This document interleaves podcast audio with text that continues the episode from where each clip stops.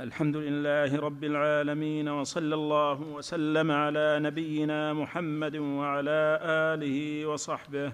قال رحمه الله تعالى كتاب الوصايا ولا وصية لوارث إلا أن يجيز الورثة ذلك. ومن أوصى لغير وارث بأكثر من الثلث فأجاز ذلك الورثة بعد موت الموصي جاز. وإن لم يجيزوا رد إلى الثلث ومن أوصي له وهو في الظاهر وارث فلم يمت الموصي حتى صار الموصى له غير وارث. فالوصية ثابتة لأن اعتبار الوصية بالموت فإن مات الموصى له قبل موت الموصي بطلت الوصية. وان رد الموصى له الوصية بعد موت الموصي بطلت الوصية وإن مات قبل أن يقبل أو يرد قام وارثه في ذلك مقامه إذا كان موته بعد موت الموصي وإذا أوصى له بسهم ما من ماله أعطي السدس. وقد روي عن أبي عبد الله رحمه الله رواية أخرى يعطى سهما مما تصح منه الفريضة. وإذا أوصى بمثل نصيب أحد ورثته ولم يسمه كان له مثل مال أقلهم نصيبا. كأن أوصى له بمثل نصيب أحد ورثته وهم ابن وأربع زوجات. فتكون صحيحة من اثنين وثلاثين سهما للزوجات الثمن وهو أربعة وما بقي فللإبن فزاد في سهام الفريضة مثل حظ امرأة من نسائه وهو سهم فتصير الوصية من ثلاثة وثلاث الفريضة سم؟ تصير الفريضة من ثلاثة وثلاثة عندي فتصير الوصية. يعني تصح من كذا. فتصير الفريضة من ثلاثة وثلاثين سهما للموصى له سهم ولكل امرأة سهم وما بقي فللإبن. وإذا خلف ثلاثة بنين وأوصى لآخر بمثل نصيب أحدهم كان للموصى له الربع. وإذا أوصى لعمر بربع ماله ولزيد بنصف ماله فإن لم يجز الورثة كان الثلث بينهما على ثلاثة أسهم لعمر سهم ولزيد سهمان. وإذا أوصى لولد فلان كان للذكر والأنثى بالسوية وإذا قال لبنيه كان للذكور دون الإناث والوصية بالحمل وللحمل جائزة إذا أتت به لأقل من ستة أشهر منذ تكلم بالوصية فإذا أوصى بجارية لبشر ثم أوصى بها لبكر فهي بينهما وإن قال ما أوصيت به لبشر فهو لبكر كانت لبكر ومن كتب وصيته ولم يشهد فيها حكم بها حكم بها ما لم يعلم رجوعه عنها. وما أعطى حسبك, سم. حسبك الله. الحمد لله رب العالمين صلى الله وسلم وبارك على عبده ورسوله نبينا محمد وعلى آله وصحبه أجمعين. أما بعد فيقول المؤلف رحمه الله تعالى كتاب الوصايا جمع وصية كعطية وعطايا وهدية وهدايا وضحية وضحايا إلى غير ذلك مما كان على هذه الزنا. والوصية عطية معلقة بالموت. عطية معلقة بالموت. ليست منجزة وإنما تثبت بموت الموصي. قال رحمه الله قال ولا وصية لوارث. وهذا نص حديث تلقاه العلماء بالقبول. لا وصية لوارث وقضت المواريث على آية الوصية التي فيها الوصية للوالدين والأقربين. من الورثة. فهذا الحديث وإن كان في مفرداته مفردات طرقه مقال لأهل العلم لكن الأمة تلقته بالقبول. فلا تصح الوصية للوارث إلا أن يجيز الورثة ذلك. فإذا جاز الورثة الوصية لهذا الوارث أوصى لزيد من أبنائه بمبلغ من المال لا تنفذ هذه الوصية لأنه وارث إلا أن يأذن الورثة لأن الأمر لا. يعدوهم. قال إلا أن يجيز الورثة ذلك ومن أوصى لغير وارث بأكثر من الثلث لم يصح. لأن النبي عليه الصلاة والسلام قال لسعد الثلث والثلث كثير. ما يدل على أن ما زاد على الثلث لا تصح الوصية به إلا أن يجيز الورثة. فإذا أجاز الورثة ذلك بعد موت الموصي جاز. إذا أجاز الورثة ذلك بعد موت الموصي لكن لو كان في وقت الوصية قبل موته لا تصح. لماذا؟ لأنهم أجازوا شيئا لم يملكوه ولا يصح تصرفهم فيه. لا يصح تصرفهم فيه.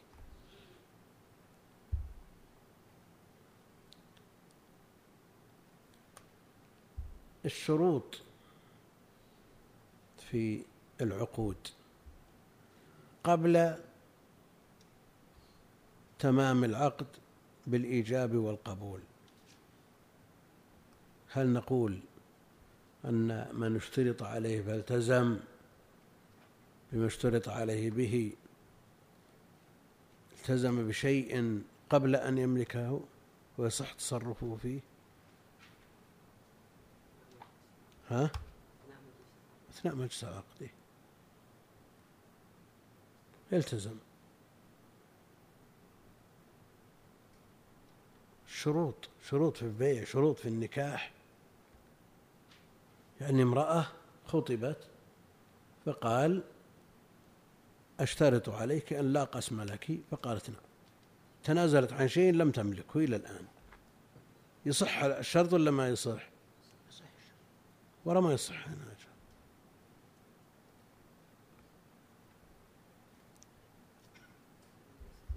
ها؟ لأن الشيخ في مجلس العقد قريب منه جدا يعني. لكن هذا قد يتأخر موته شو؟ لا مو من شروط النكاح هذا شرط في النكاح. إيه. إيه لكنها ما ملكت عشان تنازل إلا الآن. لا أنا أريد أن أوجد فرق بينها وبين هذا التنازل قبل موت الموصي. الله عليك هناك قريب جدا. شو؟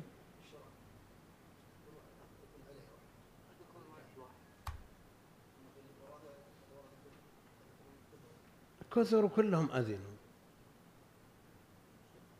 ورثة عشرين كلهم أذنوا بأن يوصي بأكثر من الثلث. والأمر لا يعدوهم كما يقول أهل العلم. نعم.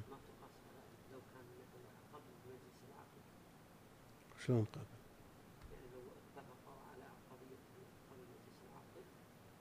لا أن تفترض أنه قبل شهر كلمه وكلمته ووافقت.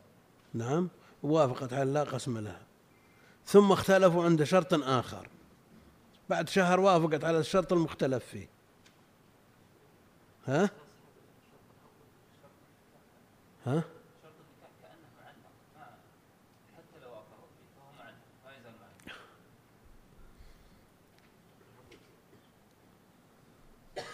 ما في وجه شبه ولو من بعيد.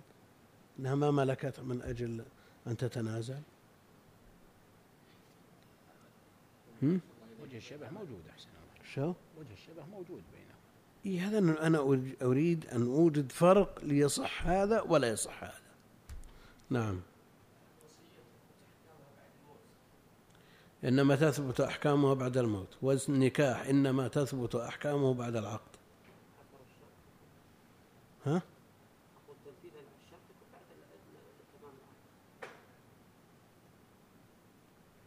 وذا يبي يعطي يعطى الموصى له قبل الموت. ما في فرق. أنا أريد أن أوجد فرقا بين هاتين الصورتين ولها نظائر كثيرة. وين؟ وين؟ إيه؟ طيب. طيب. مثل ما ذكرت آنفا. قال لها حينما خاطبها أو خاطبها السفير بينهما قبل شهر أتزوجك على أن لا قسم لك؟ فقالت رضيت. ثم قال اشترى شرط ثاني. فما قبلت بعد شهر ترددوا وهو قبل أو قبلت هي وثبت العقد. ها؟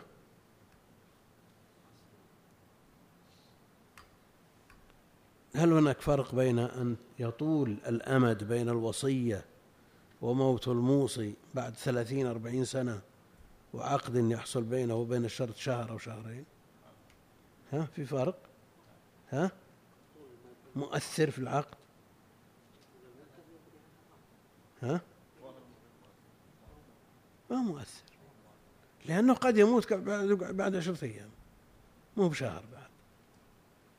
وتلزم الوصية. ها؟ أيوه.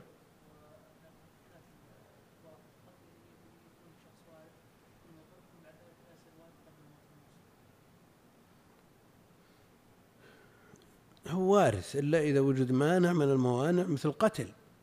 وإلا المجيزون أو أولاد الميت. ما يقال أنه أخ ثم ولد له ولد صار محجوب هذا ممكن لكن إذا كان وارث قطعا ما يمكن حجبه.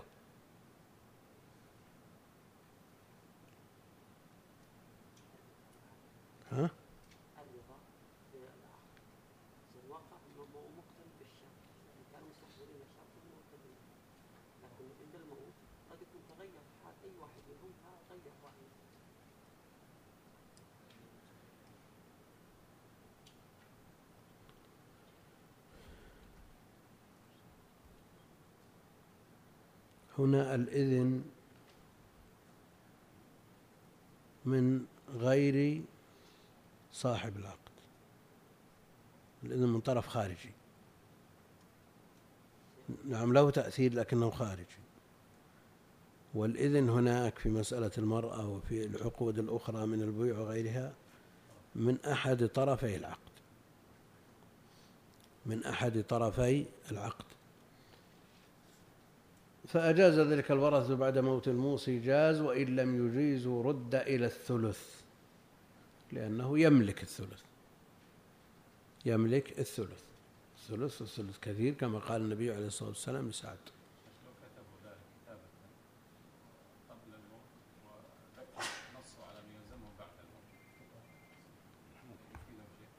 وين؟ يعني جهزوا الكتابة وش يستفيدون من تجهيزهم إياها؟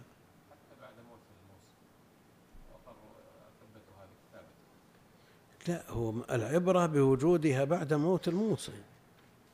سواء كتبوها أو نطقوا بها قبل موته لا أثر له. ما تلزم. إذا لازم يجددون. يجددون بعد موته.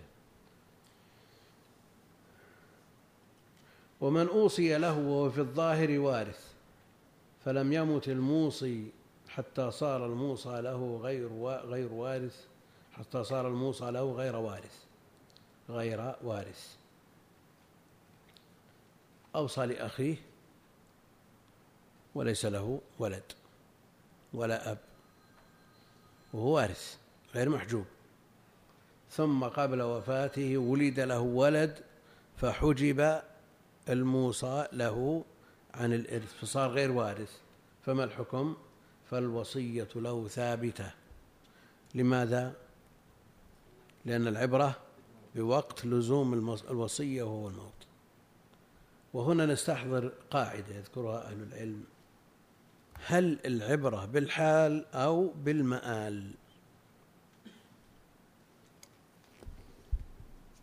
ها العبرة بالحال ولا بالمآل؟ ها؟ إذا قلنا العبرة بالحال. نعم. ها؟ هل العبرة بالحال أو بالمآل؟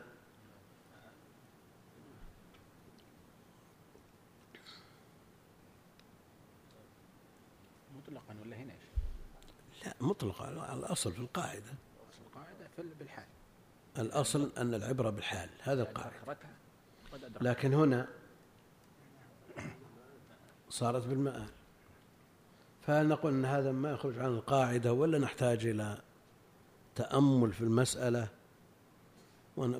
مثل لو رد الموصى له كما سيأتي. قال ب- ما- بالمبلغ الفلاني قال ما به قبل ثبوت الوصية.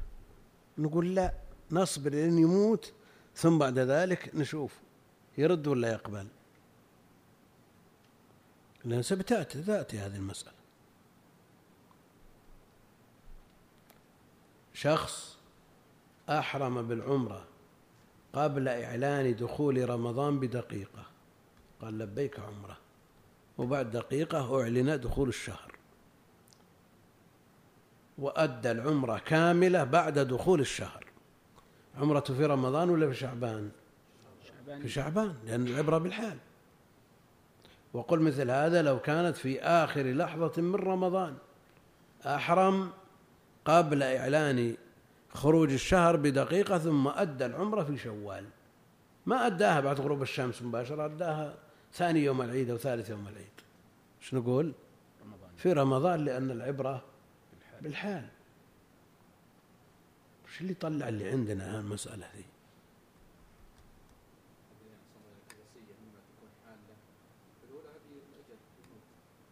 وين؟ الوصية ما تكون حالة.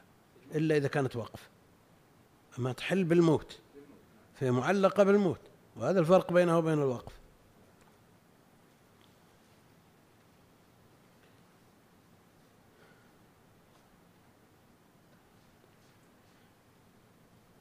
لأن اعتبار الوصية بالموت وإن مات الموصى له قبل موت الموصي بطلت الوصية له. بطلت الوصية له. لأنه لأنها ما ثبتت له وإنما تثبت بالموت. وهل يلزم مع الموت قبض الموصى به أو لا يلزم؟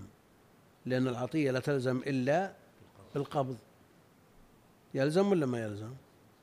ليش؟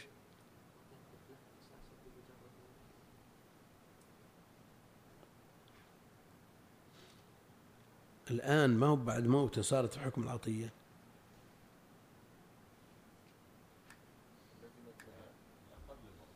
شو؟ لا. قبل الموت ما هي مثل العطية. عطية إذا قبضها مباشرة خلاص استحق. هذه لو يشوفها قدامه أوصى له بهذا الكتاب وهذا الكتاب مركون مرفن عنده. يقول أعطني إياه واستفيد منه ما لا ما يملك حتى يموت.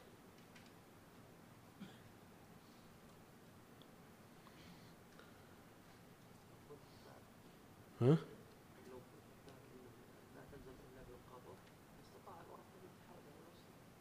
نعم. لأنها لأنه لو قلنا باشتراط القبض لأدى ذلك إلى إلغاء الوصايا والتحايل عليها. يتصرف فيها قبل أن يقبض. خلاص. والتعامل مع شخص قد مات. أما العطية مع شخص موجود. نعم. إلا بيورث. لكن متى تثبت؟ لأنه قال هنا فالوصية وين؟ فالوصية لو لأن اعتبار الوصية بالموت. خلاص ثبتت بالموت. ولا يحق الرجوع لأحد.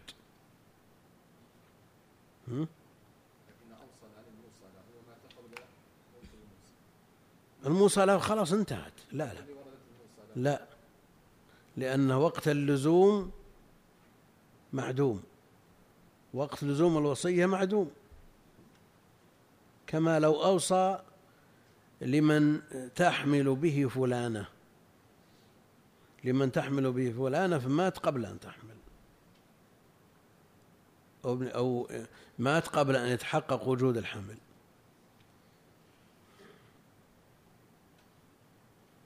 وإن مات الموصى له قبل موت الموصي بطلت الوصية له وإن رد الموصى له الوصية بعد موت الموصي بطلت الوصية لأنه يرد شيء يملكه. يرد شيء يملكه. طيب شخص طلق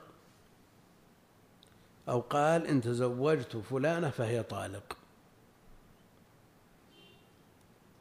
إن تزوجت فلانة فهي طالق.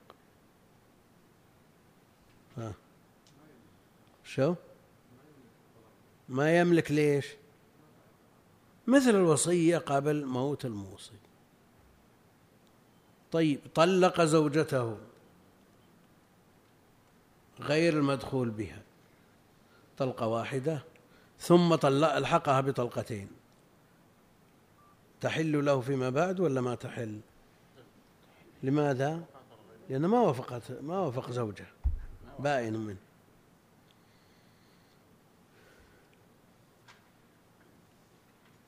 وإن مات قبل أن يقبل أو يرد قام وارثه مات الموصى له. يعني بعد موت الموصي. مات الموصى له قبل أن يقبل أو يرد قام وارثه في ذلك مقامه لأنها تورث كالشفعة.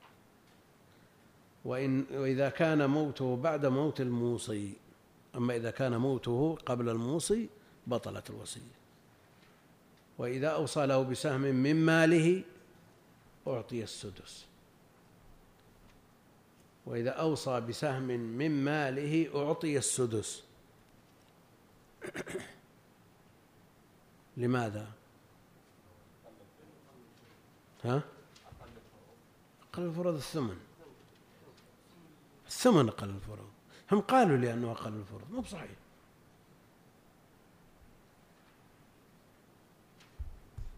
ورووا في ذلك حديثا ضعيفا. لا يثبت. وش علل صاحب الشارح؟ أعطيه السدس. إيه قال رحمه الله ولنا ما روى ابن مسعود ان رجلا ارسل رجلا بسهم من المال فاعطاه النبي صلى الله عليه وسلم السدس ولان السهم وش قال عن مخرج عليه؟ اللي خرجه هي الوصايا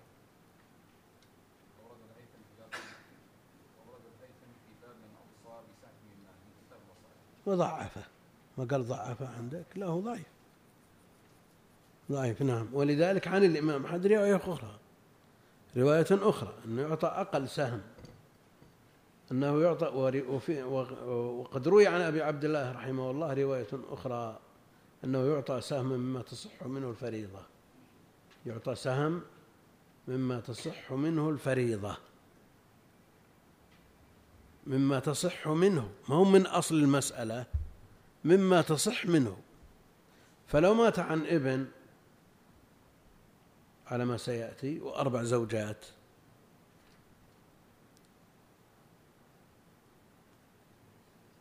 أوصى بسهم المسألة الثانية أوصى بنصيب وارث لكن هذه أن يعطى سهم مما تصح منه الفريضة. يعطى سهم مما تصح منه الفريضة. فمثلا زوجة وابن تصح الفريضة من كم؟ من ثمانية. نعم تصح الفريضة من ثمانية. للزوجة واحد وللابن سبعة. ويعطى واحد لتكون كأنها عول تصح من تسعة. وإذا أوصى بمثل نصيب أحد ورثته أعطى بمثل نصيب أحد ورثته. فإن كان الورثة متساوين في الميراث فهو كواحد منهم. وإن كانوا متفاوتين أعطي الأقل. أعطي الأقل. وإذا أوصى بمثل نصيب أحد ورثته ولم يسمه كان له مثل ما لأقل لأقلهم نصيبا. كأنه أوصى له بمثل نصيب أحد ورثته. كأنه أوصى له بمثل نصيب أحد ورثته. وهم ابن وأربع زوجات. ابن وأربع زوجات. المسألة من كم؟ من ثمانية. للزوجات الثمن واحد والباقي للابن سبعة. والواحد لا ينقسم على الأربع فتضرب الثمانية في الأربعة. عدد الرؤوس في أصل المسألة. صح المسألة من اثنين وثلاثين لكل واحد من الزوجات واحد وللابن ثمانية وعشرين. فيعطى هذا الموصى له واحد كأحد الزوجات. فتصح من ثلاث وثلاثين ابن من أربع زوجات فتكون صحيحة من اثنين وثلاثين سهما للزوجات الثمن أربعة. وما بقي فللابن فزد في سهام الفريضة مثل حظ امرأة من نسائه وهو سهم فتصير الفريضة من ثلاث وثلاثين سهما. للموصى له سهم ولكل امرأة سهم وما بقي فللإبن ثمان وعشرين. ها؟ ها؟ تعولي.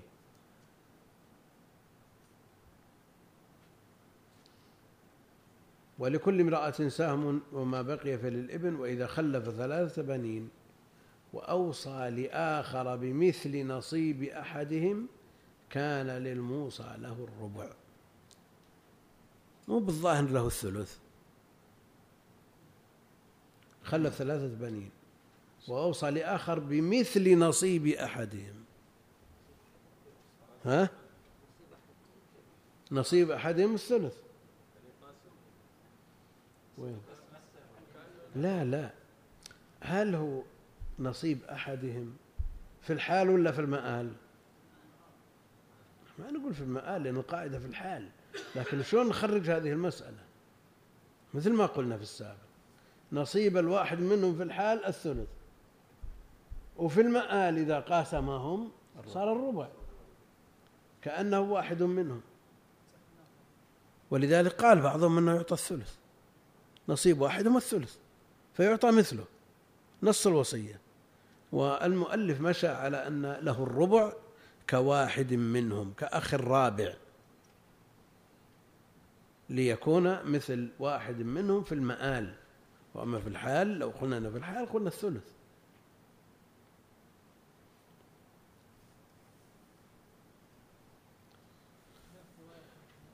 ها؟ القول قول لبعض أهل العلم. ثلث باعتبار أن الوصية وأوصى لآخر بمثل نصيب أحدهم نصيب أحدهم كم إذا كانوا ثلاثة؟ الثلث. وش؟ شو؟ إيه. شو لا. نصيب الزوجات الثمن في الحال والمآل. ونصيب الواحد من أربع الزوجات ربع الثمن في الحال والمآل. ها؟ إيه هو بيصير أكثر منهم. في المآل يعني لو قسمنا على الحال صار أكثر منهم. لكن نص الوصية لزيد من الناس مثل ما لفلان من أولادي. أو مثل ما لكل واحد من أولادي الآن لو ترك ابن واحد ما يرث إلا ابن واحد وقال لزيد من الناس مثل ما لولدي هذا من الإرث. الولد الأصل هو جميع المال تبي تعطيه جميع المال؟ ها؟ نعم. لا خلينا بالأول التنظير الأول. هل يمكن تعطيه كل المال؟ لأن نصيب الإبن جميع المال في الحال. فلا بد أن ينظر إلى الاحتمال الثاني وهو المآل ومع ذلك لن يعطى نصف المال إلا إذا أجاز ابنه لأنه أكثر من الثلث. المؤلف إن شاء الله. إيه. شو؟ هو الأرجح إن شاء الله. وإذا أوصى لعمر بربع ماله مسائل واضحة يعني ما فيها خفاء ولا غموض. ولذلك مدنا نكمل الباب كله قبل باقي درسين غير هذا. ودنا لأن المسائل واضحة يعني ما فيها إشكالات. واللي يحتاج إلى نقاش هذا نبسطه إن شاء الله. وإذا أوصى لعمر بربع ماله ولزيد بنصف ماله أنا أوصى بثلاثة أرباع ماله له ذلك؟ ها؟ ورفض الورثة. إذا أجاز الورثة الأمر لا يعدوهم يعطى أحد النصف أحد الربع والربع الأخير يقسم بين ورثته. لأنهم أجازوا والأمر لا يعدوهم لكن هذا رفض لم يجز الورثة. ليس لهما إلا الثلث. ثم هل الثلث يقسم بينهم بالسوية أو على حسب حصصهم بالوصية. حصصهم في الوصية الثلث ينقسم إلى ثلاثة أقسام. لصاحب الربع قسم ولصاحب النصف قسمان. وإذا أوصى لعمر بربع ماله ولزيد بنصف ماله فإن لم يجز الورثة كان الثلث بينهما على ثلاثة أسهم لعامر سهم ولزيد سهمان. لأنه بهذا يتحقق قصد الموصي. قصد الموصي. وصيته المتضمنة للجنف لابد من تصحيحها. فيها جنف على الوارث. تصحح ويتحقق هدفه بأن يأخذ آه، زيد ضعف ما يأخذه عمرو. وإذا أوصى لولد فلان إذا أوصى لولد فلان كان للذكر والأنثى بالسوية. لأن ليس هذا إرث قال الذكر مثل حظ الأنثيين أوصى لولد والولد يشمل الذكر الذكر والأنثى. يوصيكم الله بأولادكم للذكر مثل حظ الأنثيين. وإذا قال نعم هي عطية الوصية عطية معلقة فقلنا فيها بنفس القول في العطايا يجوز أن يعطى على مثل هم؟ يعني تصير مثلها قسمة على على مثل الذكر مثل حظ الأنثيين قلنا في العطايا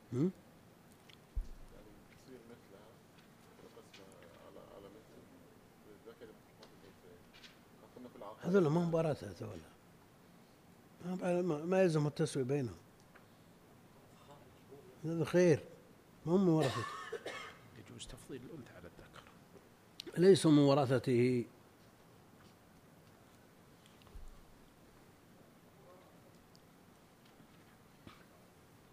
وإذا قال لبنيه كان للذكور دون الإناث لأن البنت تدخل في لفظ الولد ولا تدخل في لفظ الإبن.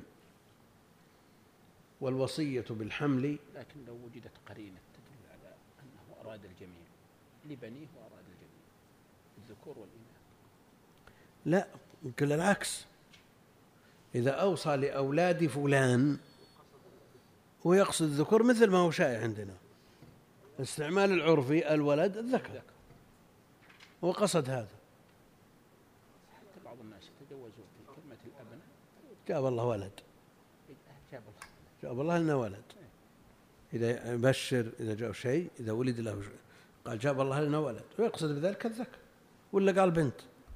فالعرف يجعل الولد خاص بالذكور. فهل نعتبر ال- العرف ولا نعتبر الحقيقة الشرعية. ها؟ هل نعتبر الحقيقة العرفية ولا الشرعية؟ ها؟ هي الوصايا والأيمان والنذور. على الأعراف لا سيما وأن أكثر الموصين من من عامة الناس اللي ما يعرفون الحقائق الشرعية مثل ما ذكر شيخ لو قال هذه لابنائي يفصل فاطمه وزيد وكذا ابنائي يعني عرف عرف المقصد. إذا عرف ما في إشكال لكن إذا ما عرف قال لأولاد فلان وحنا نعرف أن الاستعمال العرفي الأولاد للذكور فقط. والحقيقة الشرعية شاملة للذكور والإناث. فهل تقدم الحقيقة العرفية في مثل هذا أو الشرعية؟ الأصل الشرعية لكن يبقى أن عامة الناس ما يدرون أن المراد بالولد الذكر والأنثى. ألا يفرق أحسن الله إليك بين أن يكون الموصي من العامة أو أن يكون من أهل العلم ممن يعرف الفرق في الألفاظ يحاسب على حسب لفظ على حسب لفظ إذا كان يفهم يفرق.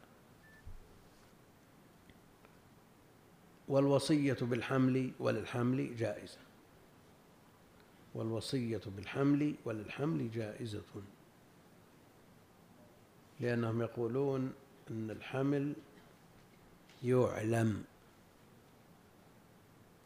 أن الحمل يعلم. إيش معنى يعلم؟ يعني يعامل معلمة معاملة المعلوم ولذا تصح الإجازة له. تصح الإجازة له عند أهل العلم في الحديث لأنه يعلم بمعنى أنه يعامل معاملة المعلوم. وإن كان هذا مما اختص الله به يعلم ما في الأرحام. الله جل وعلا. والوصية بالحمل وللحمل جائزة. مطلقا يقول إذا أتت به لأقل من ستة أشهر منذ تكلم بالوصية لأن أقل الحمل ستة أشهر. فإذا جاءت به لأقل من ستة أشهر عرفنا أنه وقت الوصية موجود. عرفنا أن وقت الوصية موجود. وإذا جاءت به لأقل جاءت به لأكثر لأكثر من ستة أشهر احتمال. ها؟ احتمال أن يكون موجود واحتمال أن يكون غير موجود. أنها حملت به بعد الوصية. فتكون وصية للمعدوم فلا تصح. وإذا أوصى بجارية لبشر ثم أوصى بها لبكر أوصى بجارية لبشر ثم أوصى بها لبكر. نفس الجارية.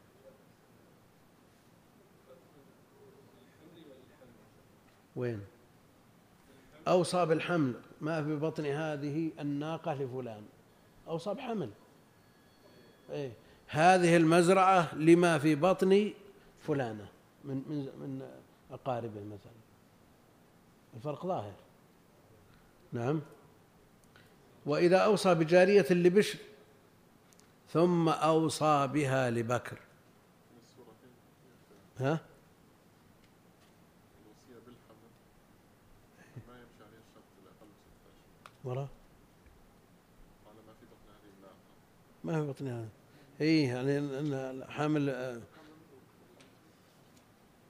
حمل ال- ال- الإبل غير حمل بني آدم. المقصود انه مقصود إنه يكون موجود أقل مدة الحمل ما في بطن هذه الجارية خلها يصير كلها. كلها يصير من بني آدم. ما في إشكال إن شاء الله تعالى. قال وإذا أوصى بجارية لبشر ثم أوصى بها لبكر فهي بينهما لأنه ما. ما. ما فيه ما يدل على إلغاء الوصية لبشر ما في ما يدل على إلغاء الوصية لبشر فالوصية له قائمة ثابتة ما نسخت ثم أوصى بها لبك- ببكر فهو شريك له بخلاف الصورة التي بعدها ولو قال ما أوصيت به لبشر فهو لبكر. نص على إلغاء الوصية لبشر. نعم. كانت لبكر. الصورة الأولى ليست في معنى الإلغاء أحسن الله عليك. وين؟ صورة أنه أوصى لبشر بشيء ثم أوصى بهذا الشيء نفسه لبكر. إيه بس ما في ما يدل على ال- الإلغاء صراحة. هي وصية ثبتت فلا تلغى بمجرد الاحتمال. بينما الصيغة الثانية جزم. أنه ألغى. إذا قال ما أوصيت به لبشر فهو لبكر. هذا نص على إذا قال هذا الكتاب لفلان ثم إيه. قال هذا الكتاب نفسه لفلان إيه. كأن التراجع عن القول الأول. لا احتمال أن يكون نسي أو يكون شريك أو شيء. ها؟ المقصود أن ما في ما يدل على الإلغاء. إنما هو مجرد احتمال ولا يلغى ولا يلغى الثابت مجرد الاحتمال. لكن الصورة الثانية صريح صريحة في الإلغاء. وما أوصيت به لبشر فهو لبكر كانت لبكر لأنه ألغى الوصية لبشر. ومن كتب وصية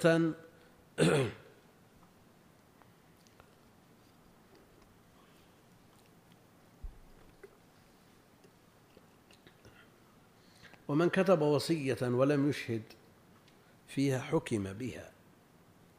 هذا إذا كانت بخطه الذي لا يشك فيه بهذا الشرط. لأنه احتمال أن تكون مزورة.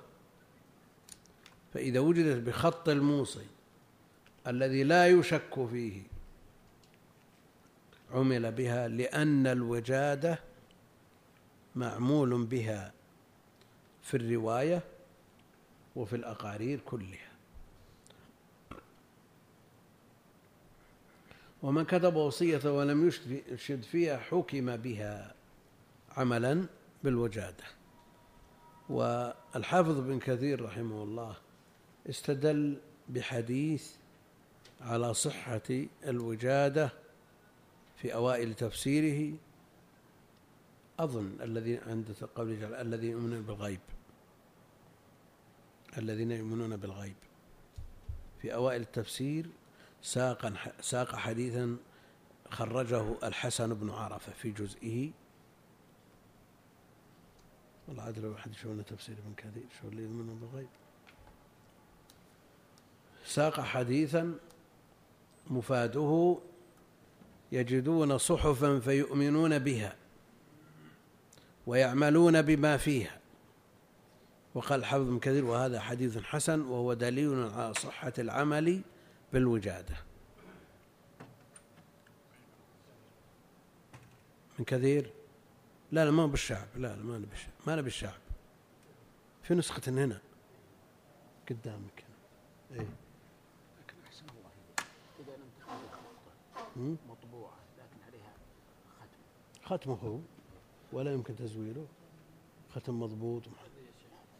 الاسم الذي أصل ان الختم انتقل غيره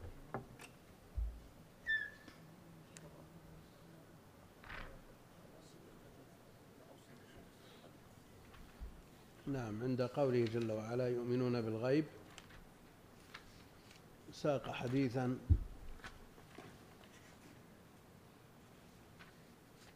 من طريق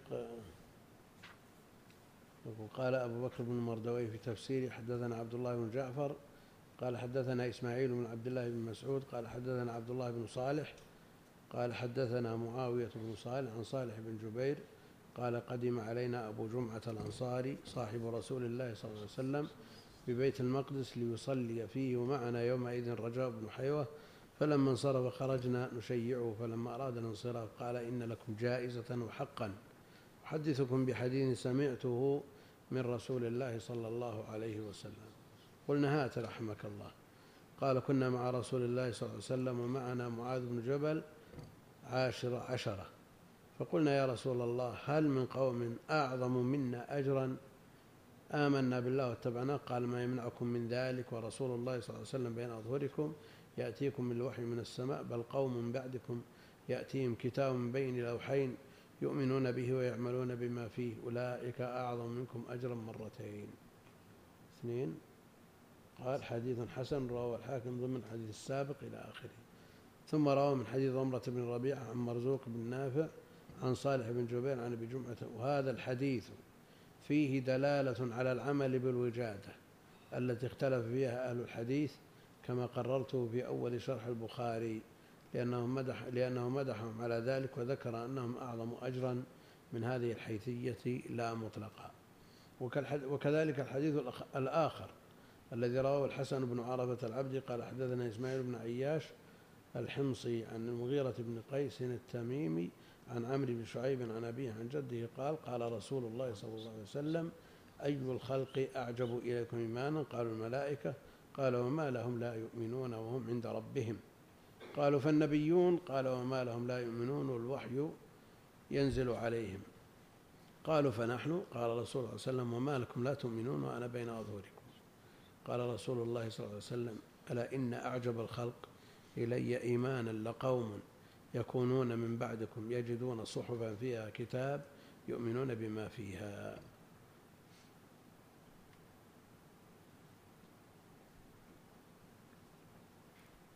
الحديث هذا ضعفه أبو حاتم ولم وقال الحاكم صحيح الإسناد ولم يخرجاه. المقصود أن دلالته مع دلالة الحديث السابق لا ينزل عن درجة الحسن. أظن الحافظ بن حجر حسنه.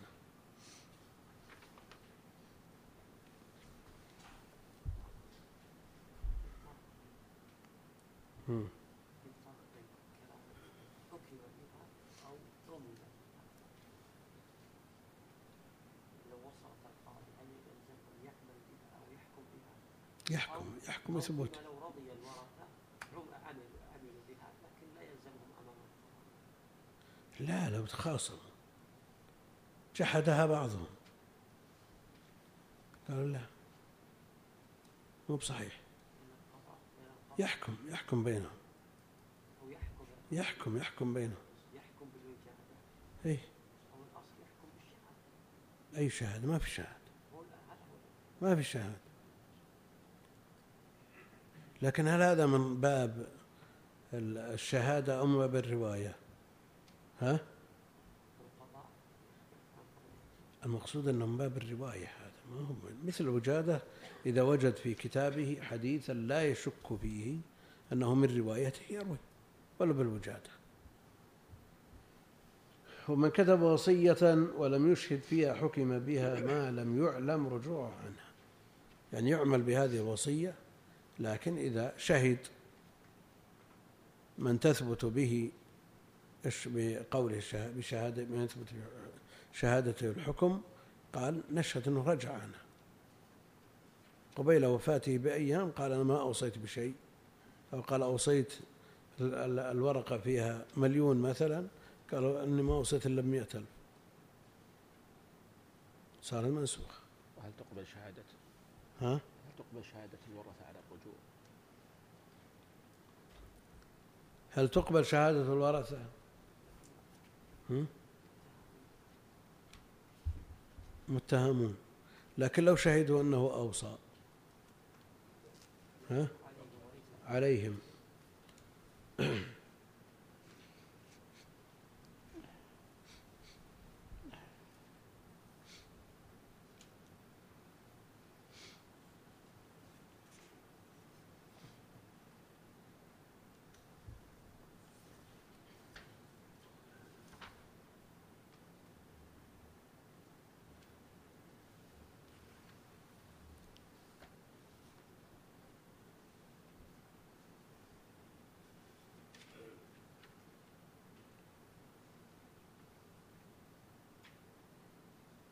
نقف على نزيد ها؟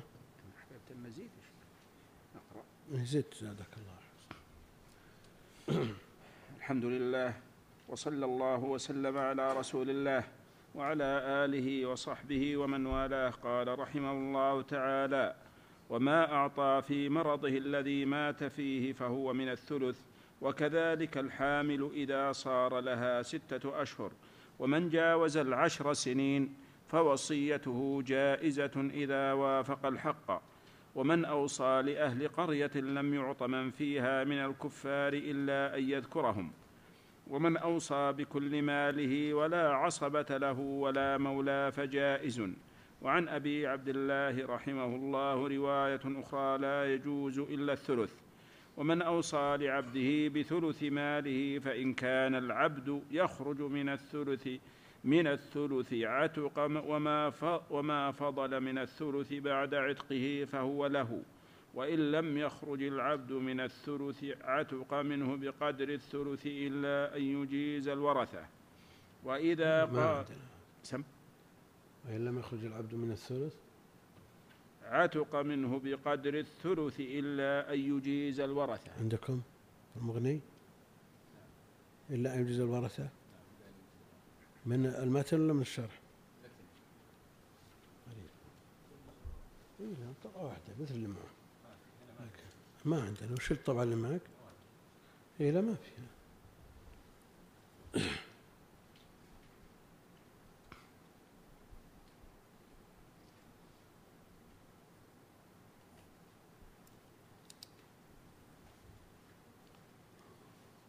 وإذا قال أحد سم. وإذا قال أحد وإذا قال أحد عبدي حر أقرع بينهما فمن تقع عليه القرعة فهو حر. إذا خرج من خطأ الثلث خطأ مئة بالمئة عندنا. إيش معك؟ لا لا عندنا غير غير. عجيب. قلب قلب للحقيقة وإذا قال أحد عبدي حر أقرع بينهما. مسخ. هذا هذا مسخ. شلون؟ ما عبدي حر أقرع بينه بين غير بين إيش؟ هذا كلام الصحيح.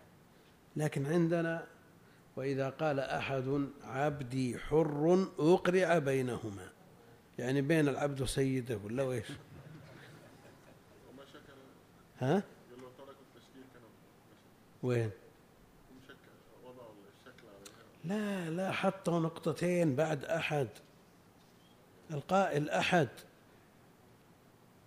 وعلامات الترقيم لها أثر كبير في فهم المعنى. أثر كبير في فهم المعنى.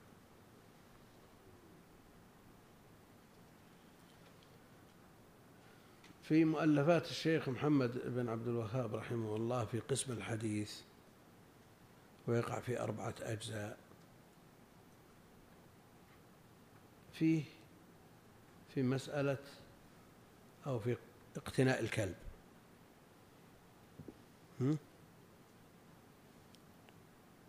في اقتناء الكلب نقص من أجره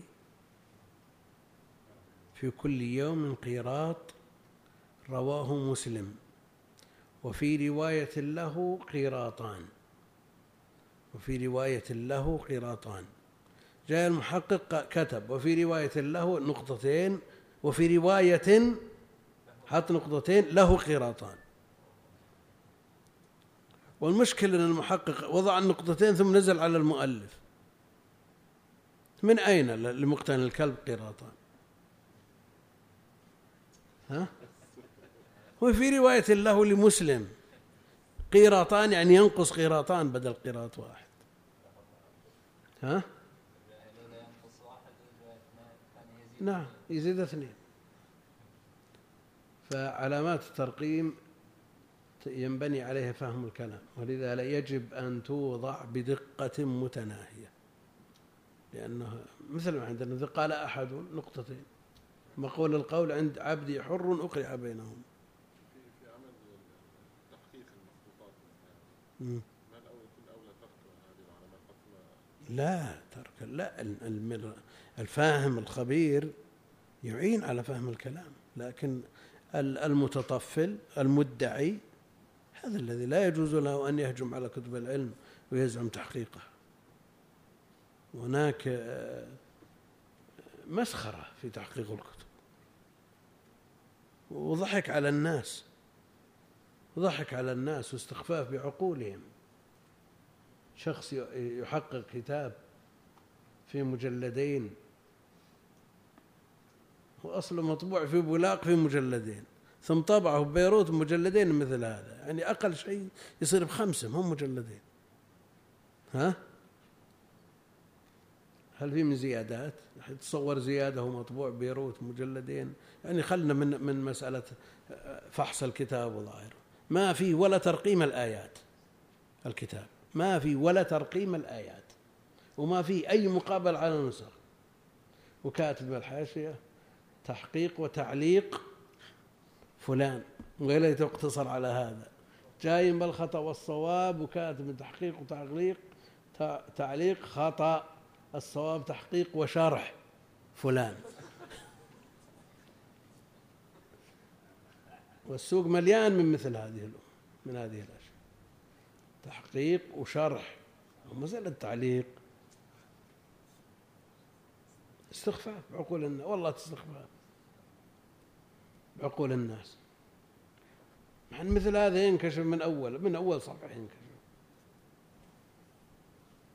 لكن لو وجد الكتاب مشروح. أكيد أنه بيقدم على النسخ الثانية. لكن يمشي على من؟ ما يمشي على أحد. الشارح يأتي بكلام أي كلام وفي تعليق ويشوف القا- القارئ فيه كلام تحته. ويجيك مثل اللي يعلق على سنن النسائي الكبرى على حديث ابن عمر مره ليراجعها ها؟ حتى تحيض ثم تطهر ثم تحيض ثم تطهر. يقول هذا كان لما كانت العدة قبل الطلاق.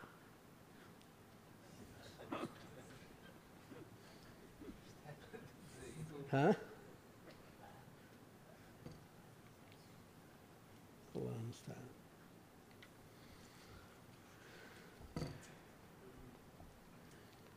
اقرأ الشيخ. وإذا قال أحد عبدي وإذا قال نصلح قبل نتجاوز وإذا قال أحد عبدي حر أقرع بينهما فمن تقع عليه القرعة فهو حر إذا خرج من الثلث. وإذا أوصى أن ي- أن يشترى عبد زيد بخمسمائة فيعتق فلم يبعه سيده فالخمسمائة للورثة. إن اشتروه بأقل مما فضل فهو للورثة. وإن وإن نعم. وإن اشتروه بأقل مما فضل. فيها واو عندكم يا شيخ؟ أي نعم. لا عندنا مغفلة والله أنا بعد بدت الثقة تهتز شوي. لأن المسألة اللي فاتت ما تمشي على أحد بالفعل. وإن اشتروه بأقل. وإذا أوصى أن يشترى عبد زيد بخمسمائة فيعتق فلم يبعه سيده فالخمسمائة للورثة. إن اشت وإن اشتروه بأقل مما فضل فهو للورثة. فما فضل فما فضل. بأقل فما فضل فهو وإن للورثة. اشتروه بأقل فما فضل فهو للورثة. وإذا أوصى لرجل بعبد لا يملك غيره وقيمته مئة ولآخر بثلث ماله و بثلث ماله وملكه غي وملك كذا شيخ وملكه. وإذا أوصى لرجل بعبد لا يملك غيره وقيمته مئة ولآخر بثلث ماله وملكه غير العبد مئتا درهم. فإن أجاز الورثة ذلك فلمن, وص فلمن وصى له بالثلث ثلث المئتين. فللموصى له. فلمن وصى له. إن فللموصى له بالثلث ثلث المئتين وربع فلمن وصى له. فللموصى له بالثلث ثلث المئتين وربع العبد ولمن أوصى له بالعبد ثلاثة أرباعه. وإن لم يجز ذلك الورثة فلمن أوصى له بالثلث سدس المئتين وسدس العبد لأنه وصية في الجميع ولمن أوصى له بالعبد نصفه لأن وصيته في العبد. ومن أوصى لقرابته فهو للذكر والأنثى بالسوية ولا يجاوز بها أربعة آباء لأن النبي صلى الله عليه وسلم لم يجاوز بني هاشم بسهم ذوي القربى. وإذا قال لأهل بيتي أعطي أعطى وإذا أعطي قال؟ وإذا قال لأهل بيتي. إذا قال؟ كذا يا شيخ عندنا لأهل بيتي. إي لكن حاطن وإذا قال نقطتين لأهل بيتي يعني أوصى لأهل يعني مقول مقول القول. إيه. وإذا قال لأهل بيتي أعطي من قبل أبيه وأمه. وإذا أوصى وإذا أوصى أن يحج عنه بخمسمائة فما أفضل؟ فما فضل. أي عندنا أفضل. فما فضل رد في الحج؟ وإذا قال حجة بخمسمائة فما فضل فهو لمن يحج. وإذا قال حجوا عني حجة فما فضل رد إلى الورثة. ومن أوصى بثلث ماله رجل لرجل فقتل عمدا أو خطأ وأخذت الدية فلمن أوصى له بالثلث من الدية؟ فللموصى له أسهل. أيسر فللموصى له عندنا كلها فلمن أوصى له. فللموصى له بالثلث من الدية في إحدى الروايتين والرواية فللموصى له بالثلث ثلث الدية في إحدى الروايتين. ليست عندنا. أحسنت. بالثلث ثلث الدية. فلمن فللموصى له بالثلث ثلث الدية في إحدى الروايتين والرواية الأخرى ليس لمن أوصى له بالثلث من الدية شيء وإذا وصى إلى رجل وبعده إلى آخر فهما وصيان إلا أن يقول قد اخترت الأول. وإذا كان الوصي خائنا جعل معه أمين فإن كان إلا أن وصيا يقول قد أخرجت الأول؟ سم. إلا أن إلا أن يقول قد, قد اخترت الأول. أو أخرجت لا عندنا اخترت. أخرجت الأول أخرجت مغني. إيه أخرجت الأول عندنا اخترت يا شيخ. وإذا كان الوصي خائنا جعل معه أمين فإن كانا وصيين فمات أحدهما أقيم مقام الميت أمين. ومن أعتق في مرض موته أو بعد موته عبدين لا يملك غيرهما وقيمة أحدهما مئتان. والآخر وال- وقيمة أحدهما مئتان والآخر, والآخر ثلاثمائة فلم يجز الورثة أقرع بينهما فإن وقعت القرعة على الذي قيمته مئتان عتق منه خمسة أس حرية عندكم؟ القرعة ولا الحرية؟ عندنا قرعة. آه. فإن و... لأنه أقرع بينهما.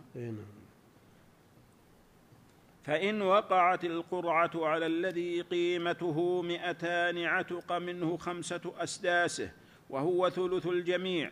وإن وقعت على الآخر عتق منه خمسة أتساعه لأن جميع ملك الميت خمس لأن جميع ملك الميت خمسمائة درهم وهو قيمة العبدين فيضرب في ثلاثة.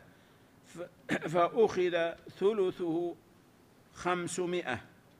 فأما إن وقعت القرعة على الذي قيمته مئتان ضربناه في ثلاثة فصيرناه ستمائة فصار العتق منه خمسة أسداس. وكذلك يفعل في الآخر إذا وقعت عليه القرعة. وكل شيء يأتي من هذا الباب فسبيله أن يضرب في ثلاثة فيخرج بلا كسر. وإذا أوصى بعبد من عبيده لرجل ولم يسم العبد كان له أحدهم بالقرعة. إذا كان يخرج من الثلث وإلا ملك منه بقدر الثلث. وإذا أوصى بشيء بعينه فتلف الشيء بعد موته لم يكن للموصى له شيء. وإن تلف المال كله إلا الموصى به فهو للموصى له ومن أوصي له بشيء فلم يأخذه زمانا قوم وقت الموت لا وقت الأخذ وإذا أوصى بوصايا فيها عتاقة فلم يف الثلث بالكل تحاصوا في الثلث وإذا حل النقص على كل واحد منهم بعد ماله في الوصية. وإذا حل النقص على كل واحد منهم بعد فأدخل النقص. فأدخل النقص على كل واحد منهم على كل واحد بقدر ما له في الوصية. عندي بعد ماله في الوصية. عندك فأدخل. أي لكن بعد يا شيخ محمد عندك؟ إيه في لكن بعد الثلث فأدخل النقص على كل واحد بقدر ما له في الوصية. عندنا على كل واحد منهم بعد ماله في الوصية. بقدر محاصة. وإذا حل وإذا حل النقص على كل واحد منهم بقدر ماله في الوصية. فأدخل النقص. فأدخل. أحسن وإذا أوصى بفرسه في سبيل الله وألف درهم ينفق عليه فمات الفرس كانت الألف للورثة وإن أنفق بعضها رد الباقي إلى الورثة والله أعلم بالصواب. لكن ما يصرف لمثله؟ ينفق على فرس آخر موقوف في سبيل الله؟ اللهم صل على محمد. ألا يكون أقرب إلى الوقف الذي تعطلت منافعه لا لكن وش المانع أن أن يصرف في نفس المصرف؟ يصرف في مثله. بالنسبة للتحقيق قد يكون المحقق معروف بالتحقيق ومشهور ومتقن لبعض الفنون دون بعض. يعني محمد محي الدين عبد الحميد إذا حقق في العربية وفي التاريخ أجاد لكن لما حقق إعلام الموقعين لابن القيم جاء إلى مسألة التورق. قال هكذا بجميع النسخ فلعلها تحريف من النساخ. ما يدري إيش الشيخ هو محي الدين عبد الحميد. من كبار المحققين. لكن إذا من تعاطى غير فنه أتى بالعجيب أتى بالعجائب. جاء المحقق الذي بعده وهو من أهل العلم. عبد الرحمن الوكيل. وقال في المقدمة أن مما يلاحظ على الشيخ في تحقيقه الكتاب أنه قال عن مسألة التورق أنها تحريف من النساخ لا أعرف لها معنى. وبحثت في كتب شيخ الإسلام الذي يستفيد منه ابن القيم كثيرا عن هذه المسألة فتوصلت إلى أنها مسألة ربوية محرمة. من دون ما يصورها ولا شيء. أبدا وشيخ الإسلام يحرم التورق لكن مفترض تصور يعني. صورها قبل ثم عاد الحكم يأتي بعد مع أن ابن القيم مجيزة. ومحاول من شيخ الإسلام أنه يرجع عن التحريم وعجز عنه.